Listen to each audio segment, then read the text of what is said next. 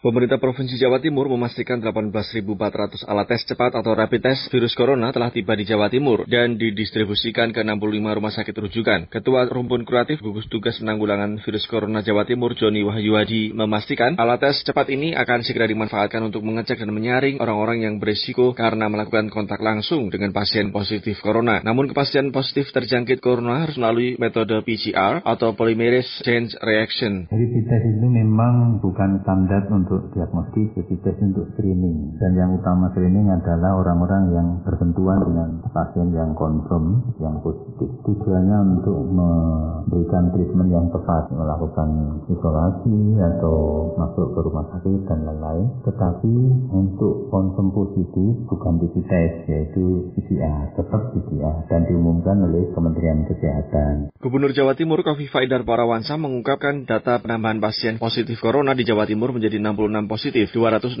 pasien dalam pengawasan atau PDP, dan 3.781 orang dalam pemantauan atau ODP. Dari angka itu, 8 orang pasien dinyatakan sembuh dan 4 orang meninggal dunia. Sekretaris Daerah Provinsi Jawa Timur sekaligus Ketua Gugus Tugas Penanggulangan Virus Corona Jawa Timur, Heru Cahyono mengatakan peningkatan jumlah orang dalam pemantauan atau ODP menjadi salah satu indikator proses pelacakan telah berjalan lebih luas. Jadi semua ODP akan kelihatan naik karena proses tracing kita yang sudah jalan. Jadi karena proses tracingnya sudah jalan, maka dari itu ODP-nya mesti kelihatan naik. Mudah-mudahan ODP ini biar jadi. Jadi proses tracing sudah semakin lama, semakin betul, semakin ke desa-desa dan akan terus naik untuk ODP.